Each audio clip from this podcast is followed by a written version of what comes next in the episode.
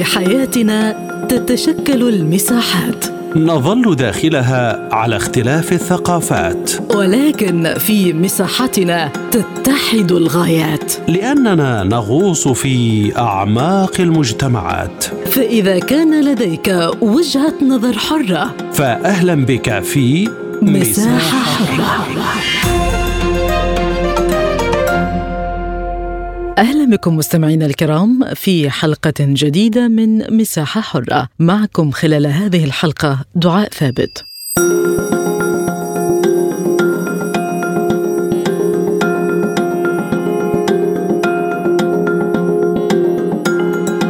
تستضيف القاهرة اجتماعا تشاوريا للبحث في الأزمة السورية بمشاركة وزير الخارجية السوري فيصل المقداد. وقال المتحدث باسم الأمين العام لجامعة الدول العربية جمال رشدي أن الاجتماع التشاوري يأتي لمتابعة تنفيذ بيان عمان الصادر في مايو الماضي ولتعزيز دور قيادي عربي في تسوية الأزمة السورية ومعالجة تبعاتها الإنسانية والسياسية والأمنية. مضيفا أن عودة سوريا للجامعة العربية تمت بشكل كامل من الناحية الإجرائية ومن النواحي كافة. وكان مجلس وزراء الخارجية العرب قد أقر في اجتماع طارئ عقد في القاهرة في السابع من مايو الماضي استئناف مشاركة وفود الحكومة السورية في اجتماعات مجلس جامعة الدول العربية وجميع المنظمات والأجهزة التابعة لها. وتضمن القرار خلال اجتماع القاهرة حينها تشكيل لجنة اتصال وزارية مكونة من الأردن والسعودية والعراق ولبنان ومصر والأمين العام لجامعة الدول العربية لمتابعة تنفيذ بيان عمان. والاستمرار في الحوار المباشر مع الحكومة السورية للتوصل لحل شامل للأزمة السورية يعالج جميع تبعاتها وفق منهجية الخطوة مقابل خطوة وبما ينسجم مع قرار مجلس الأمن رقم 2254 على أن تقدم اللجنة تقارير دورية لمجلس الجامعة على المستوى الوزاري.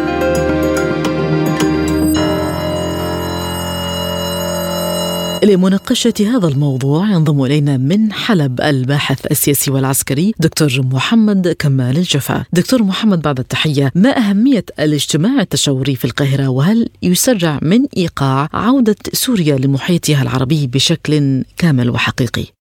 تحية لك ولكل المستمعين. حقيقة الأمر القرار كان مفاجئا للجميع بعد الهجمات الإعلامية العنيفة جدا التي تم شنها على الرئيس الأسد والقيادة السورية بعد لقاء مع سكاي نيوز عربية. واعتقد الجميع أن الرئيس الأسد قد أقفل الأبواب جميع الأبواب في في وجه أي مصالحة عربية أو إقليمية، وبالتالي بدأت وسائل الإعلام المعاديه بوضع فرضيات وحلول ترافق ذلك مع حمله التصعيد والهجمات التي قامت بها داعش على عدد من قوافل الجيش السوري وادت إلى يعني عشرات الشهداء والجرحى. أيضا ترافق ذلك مع الحشود الأمريكية والإعلان عن إعادة وإعادة إنشاء غرفة عمليات مشتركة ستؤدي من خلالها أعمال عسكرية تؤدي إلى إغلاق الحدود السورية العراقية وتمديد قاعدة أو منطقة ال 55 بمنطقه التنف ونقل مقاتلين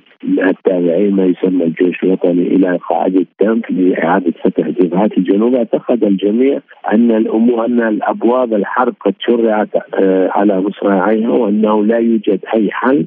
وبالتالي كما قلت لك الإعلام والمحرض على السوريين وعلى زيادة العنف ضد السوريين وزيادة التحريض على اجتياح سوريا وتقسيمها هم من أوصلوا جميع المتابعين إلى قناعه مطلقة أن جميع الأبواب قد أقفلت ولا يمكن أن يكون هناك أي دور أو إعادة تنسيق ما بين سوريا ومحيطها العربي وبالتالي هذا القرار فاجأ حقيقة الأمر الجميع. يعني أنا كمتابعين أقول القيادات أكيد هي تعرف أو أو مستوى حجم التنسيق بين على مستوى القياده السوريه والدول العربية. وبالتالي من شأن آه، بدا هذا الاجتماع اليوم وصدور أي بيان إيجابي أعتقد سيؤدي إلى تخفيف الاحتقان وتبريد الأجواء وحتى آه، زرع الطمأنينة في نفوس السوريين. كون الجميع كان يترقب الاسوء وبالتالي أعتقد أن الدول العربية لا زالت تصر على على مبادرتها. سوريا لم تقفل الأبواب ابدا. في وجه أي مبادرة عربية حقيقية وليست أن تكون ضمن شروط مجحده وأن ان تكون ستؤدي إلى تنازلات مؤلمة. رفضت سوريا دفعها خلال السنوات السابقة. وهل نتوقع مبادرة عربية تحظى بموافقة سوريه؟ أنا أعتقد أختي الكريمة أنت إذا حللنا بمنطقية ما يطرح على السوريين يعني أنت أن تقوموا بإصلاحات سياسية وتنازلات سياسية لمصلحة المعارضة وإعادة اللاجئين من الدول العربية وتحمل اعبائهم، ما هو ما هو الثمن أن تزيد اعباء لا يعني الحصار مستمر، احتلال آبار النفط والغاز والغله الغذائيه لسوريا مستمرة من قبل الأمريكان وحلفائهم، وأنت ستعطيك قليلا يعني آه، الأموال التي طرحت على القيادة السورية حتى لا تكفي لأن يكون هناك عودة أو أو أو وقف خط التدهور بمستوى المعيشة وقيمة الليره السورية، فكيف أنت ستستوعب أيضا مليونين أو مليون لاجئ أو ربما ثلاثة ملايين، طب هذه الدول العربية أختي الكريمة دفعت 200 مليار دولار على تدمير سوريا،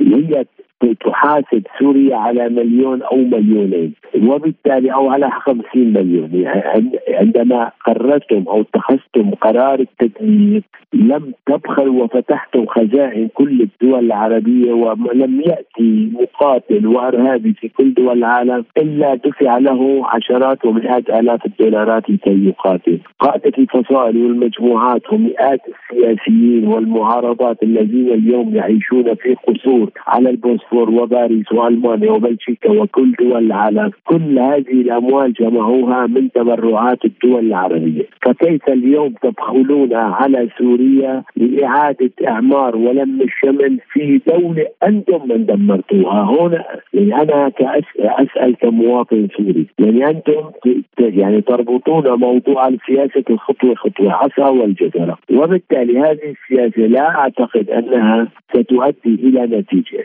الاساس أن يكون نوايا صادقه وأن يكون هناك أيضا حسن نية من جميع الأطراف وهناك قرارات حقيقية تؤدي إلى عودة اللحمه وقف التحريض، أختي الكريمه لا زال التحريض من بعض وسائل الإعلام العربية على سوريا والجيش السوري والشعب السوري وعمليات تفتيت طائفية والتمييز بين الطوائف السوريه، هذا لا يؤدي إلى إعادة بناء دولة ولا تعتبر خطوات حقيقية وذات نوايا إيجابية، نوايا حقيقية إيجابية لعودة اللحمة للسوريين. هل أفهم من حضرتك أنه لم يتحقق أي تقدم منذ عودة سوريا للجامعة العربية؟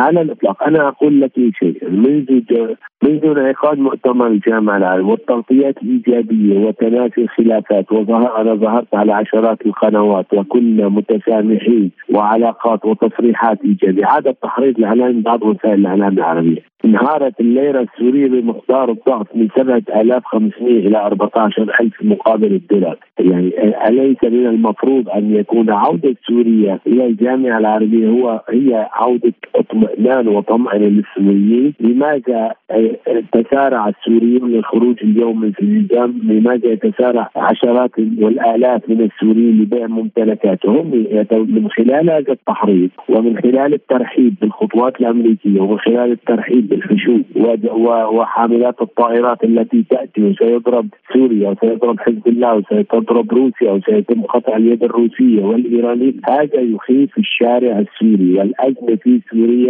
أنا أكثر من نصفها ازمه نفسية وبالتالي هذه الأجواء التحريضية لا تساعد على عودة حقيقية أو عودة مؤسسات، أيضا لاحظنا يعني اتخاذ بعض الدول العربية إجراءات مشددة ضد الشاحنات السورية واليوم أكثر من 1200 شاحنه محمله بالخضار والفواكه متوقفة على الحدود وربما سيؤدي إلى إطالة مده بعض القطع أيام إلى إتلاف كل المواد الغذائية والخضار والفواكه التي تحملها، أليس هذا أيضا تدمير الاقتصاد السوري وزيادة الحصار وزيادة شدة العقوبات، هذه هي الإجراءات الحقيقية التي يجب أن يطبقها على أرض الواقع، أن يكون هناك عمل مؤسساتي بين الدول العربية وليكن إيجابي أقول وليكن هناك خلافات سياسية. لنعزل الاقتصاد والعلاقات الأخوية والشعبية والمستويات والرياضة وكل شيء والمؤسسات والجمعيات والنقابات لنعزلها عن القرارات المصيرية السياسية التي تتخذ تتخذها كل دوله في علاقاتها مع الدولة الأخرى، لنحترم علاقات وتحالفات كل دولة، سوريا لا تتدخل بأي شكل من الاشكال لا بتحالفات ولا بعلاقات ولا بفتح سفارات ولا بتطويع على الإطلاق، ليست معنية بالتدخل بالشؤون الداخلية في أي دولة، لكن الكل يتدخل في سوريا، لاحظنا الأمس تصريحات وزير الدفاع التركي يقول أنه لن يكون هناك انسحاب للجيش التركي إلا بتغيير الدستور، أي دولة في العالم تطالب بتغيير دستور دولة أخرى، يعني يجب أن تغير الدستور حتى ننسحب يعني هذه ليست تفعيل الدول العربيه هي التي تنتقد هذه التصريحات التركية العنصريه، وليست فقط سوريا، لأن سقوط سوريا بيد تركيا يعني سقوط خط الدفاع الأول عن كل الامه العربية، وبالتالي أعتقد أن هذه العودة الشكلية لا لم تؤدي حتى الآن إلى إجراءات ميدانية على الأرض ولا بد من إعادة توسيع العلاقات البينيه بين الدول العربية حتى لو اختلفنا في السياسة وفي التحالفات الدولية.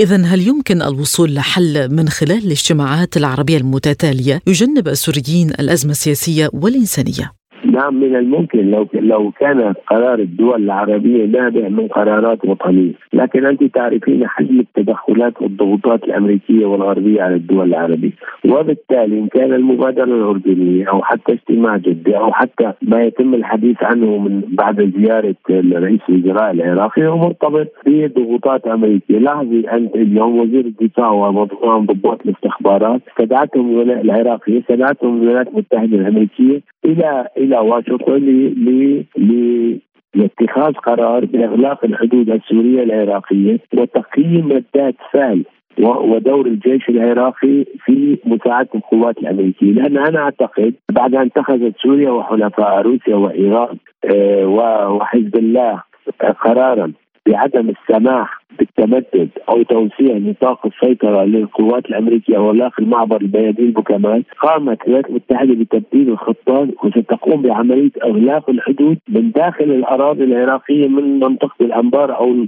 الطرق الدولية التي تصل بين سوريا والعراق وهم بهذه الحالة يتحاشون الدخول في صراع أو صدام مع الجانب الروسي أو الإيراني أو القوات السورية والحليفة، يعني دائما يوجد عندهم خطط بديلة. وبالتالي عندما يكون حجم الصدام مكلف بالنسبة لهم حجم الصراع مكلف يقومون بتبديل الخطط. فأسهل الطرق بالنسبة اليهم هو إغلاق الحدود وقطع شريان التواصل بين إيران والعراق وسوريا ولبنان عبر إغلاق الحدود. وبالتالي لا يريدون الدخول في صدام على الأراضي بعد أن فشلت أو رفضت قسد حتى أن تدخل في هذه المعركة. وأيضا لم تستطع الولايات المتحدة الأمريكية جمع أكثر من ثلاثة آلاف مقاتل من حلول داعش وبعض التنظيمات الإرهابية من المكونات العربية سيعمدون إلى تنفيذ هذا القرار من داخل الأراضي العراقية. وهنا سنراقب دور الحكومة العراقية، البرلمان أيضا موقف الحزب الشعبي من هذا القرار، وبالتالي الدول العربية قرارها ليس عربيا خالصا، هي تتعرض لضغوط هائلة من الولايات المتحدة الأمريكية وبذلك تحاول التوفيق بين هذه الضغوط وبين المصلحة العربية العليا. ودائما هناك صعوبات في تنفيذ أي التزامات تقدمها إلى سوريا فيما يتعلق برفع الحصار أو إعادة التطبيع معها.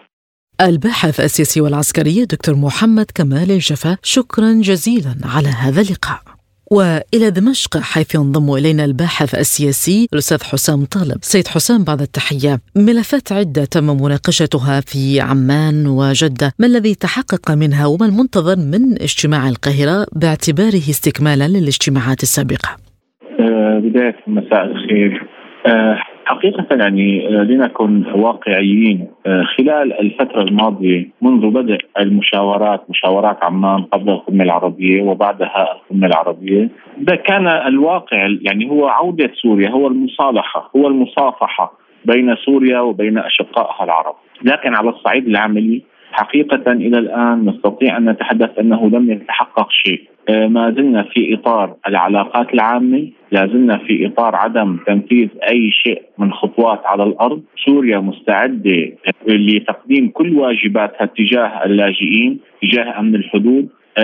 العملية السياسية لكن إلى الآن لم يطرح علينا طرف سياسي لنتحاور معه. لم يطرح علينا موضوع يعني الضغط على الاحتلال التركي أو الأمريكي للخروج لسيطرة الدولة السورية على كامل حدودها ومن ثم نحمل المسؤولية لمن في تهريب المخدرات. إلى الآن موضوع اللاجئين لم تلتزم. لا لا منظمات الإنسانية التي أقر مشروع التعافي المبكر في الأمم المتحدة لم تلتزم بأي عمل يعيد بناء البنية التحتية لعودة اللاجئين، إذا نحن اليوم بصراحة نراوح في مكاننا لا يوجد أي خطوة متقدمة سوى المصالحة كما قلنا وال, وال يعني المحبة التي لاحظناها من الأخوة العرب تجاه سوريا. في هذا السياق الرئيس السوري يقول إن العلاقة مع الدول العربية لم تصل لمرحلة وضع الحلول وطالما أنه لا توجد حلول للمشاكل فإن العلاقة ستبقى شكلية. هل نتوقع خطوة إيجابية من الجانب العربي في المرحلة المقبلة؟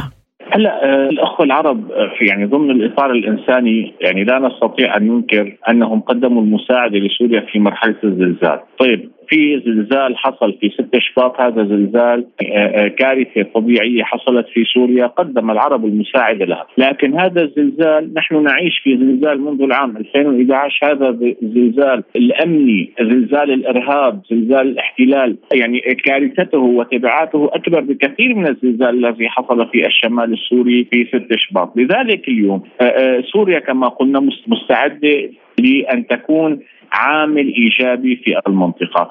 آه، مضطرين العرب حقيقة وأنا أقولها مضطرين العرب أن يتعاطوا بطريقة مختلفة مع سوريا. سيدتي عدم الاستقرار في سوريا يعني عدم الاستقرار في المنطقة. هذا من الآخر لنقول عدم الاستقرار في سوريا عدم الاستقرار في المنطقة. بقاء الاحتلال الأمريكي في قاعدة التنف بقاء جنوب السويداء خارج سيطرة الدولة بقاء الوضع في الجنوب. في هذه الحالة المتوترة والخلايا الإرهابية التي تختال كل يوم ومنذ يومين أو ثلاثة اغتيل مراسل قناة سما الفضائية في سوريا. في درعا إذا هذه حالة الاغتيال حالة عدم الأمن في الجنوب السوري يعني تهريب مخدرات وتهريب سلاح وعبور إرهابيين من الطرفين. هذا الوضع يخل بأمن ليس فقط سوريا هذا الوضع يخل بأمن الأردن والأردن منها بوابة إلى دول الخليج. لذلك مضطرين العرب حقيقة نحن لا نتحدث أننا نتعامل معهم بحكم الضرورة أو الابتزاز لا لكن في النهاية كل ما تأخر العرب في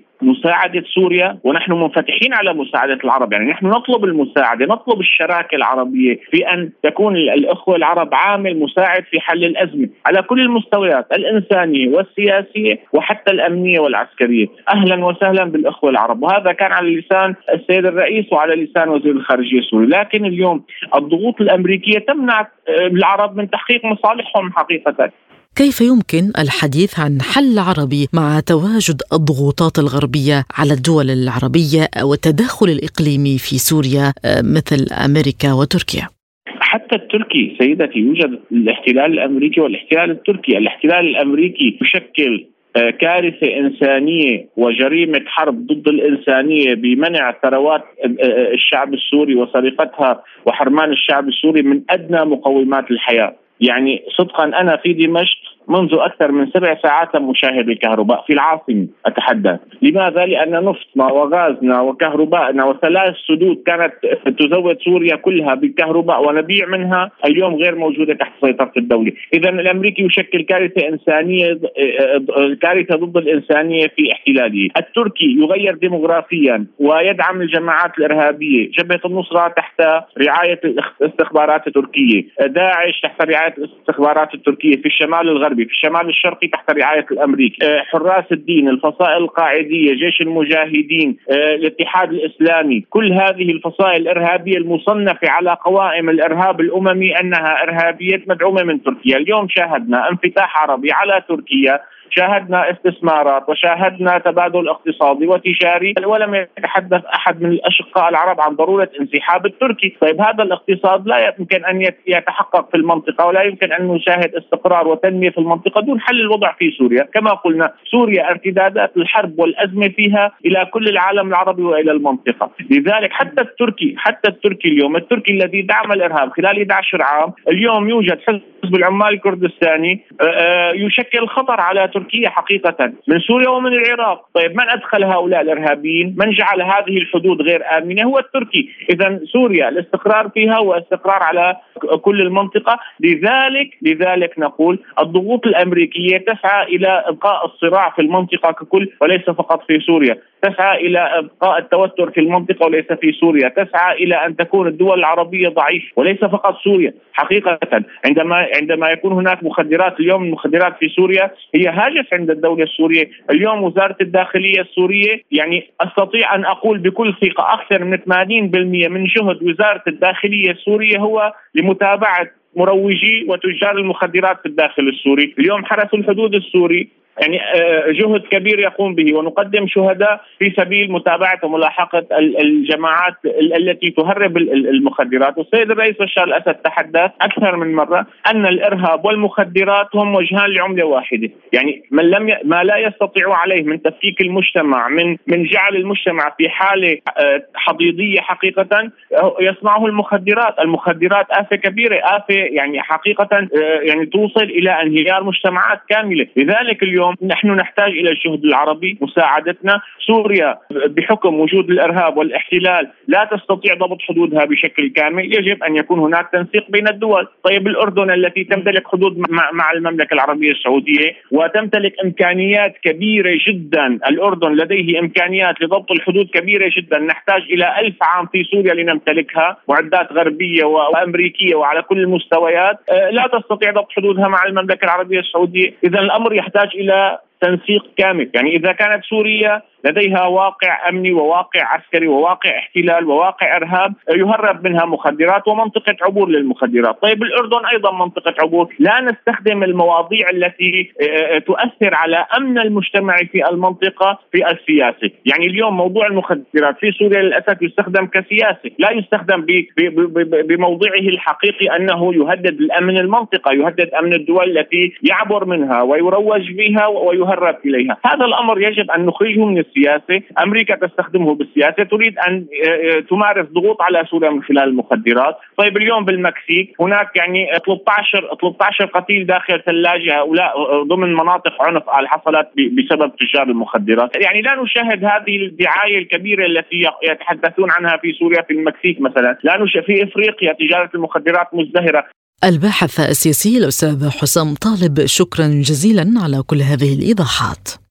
وإلى القاهرة حيث ينضم إلينا مساعد وزير الخارجية المصري الأسبق السفير حسين هريدي. سيد حسين بعد التحية، ما المنتظر من الاجتماع التشاوري في القاهرة وهل يمكن الوصول إلى دور قيادي عربي في تسوية الأزمة السورية؟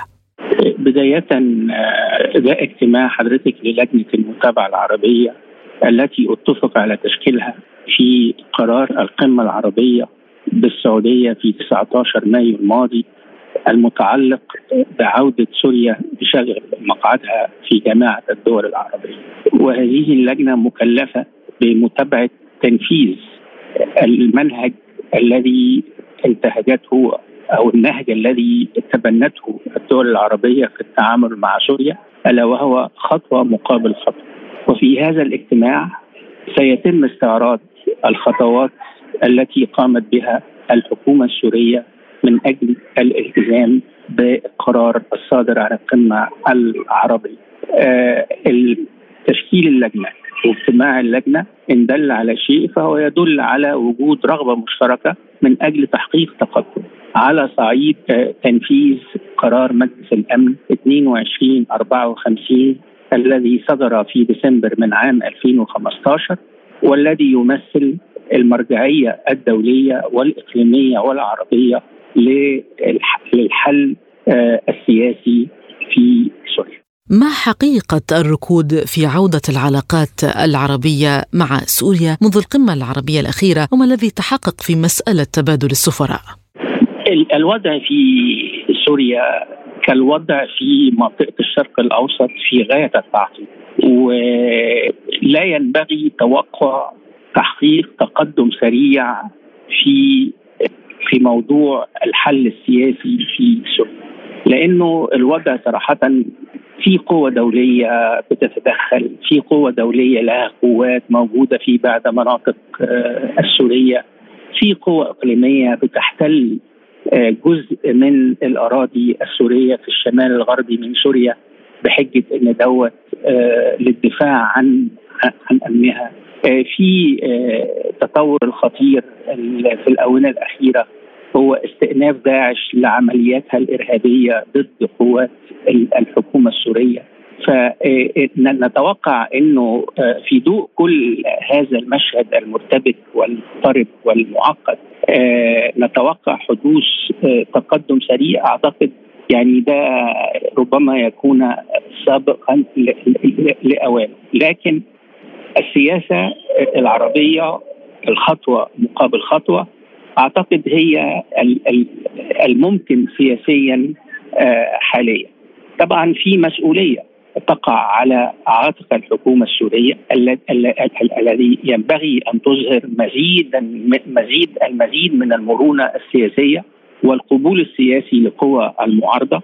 وإنه ممكن جدا من ضمن يعني ممكن جدا تبحث في تشكيل حكومة جديدة يدخل فيها تدخل فيها عناصر من من المعارضة السورية من جانب آخر تفعيل إعادة تفعيل عمل اللجنة الدستورية التي تعمل تحت إشراف مبعوث السكرتير العام للأمم المتحدة لسوريا.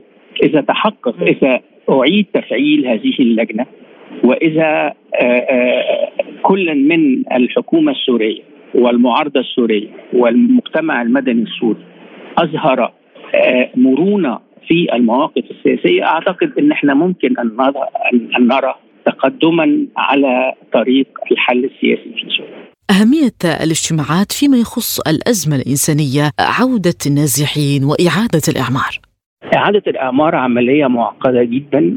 حضرتك أولا لأنه في تنافس دولي شديد على من سيستفيد في عملية إعادة الإعمار. نحن نتحدث عن موارد مالية يجب توفيرها. لا تقل لا تقل عن 400 مليار دولار. ده أول شيء. آه، ثاني شيء إن في عقوبات آه، أمريكية على سوريا. ولها آثار ثانوية أو آثار على الطرف الثالث الذي يمكن أن يفكر أو يمكن أن يشارك الحكومة السورية في عملية إعادة الإعمار. ثالثا ثالثا ما هي المناطق التي سيبدأ منها إعادة الإعمار في ضوء ال ال ال ال الوضع العسكري والوضع الأمني في سوريا الآن.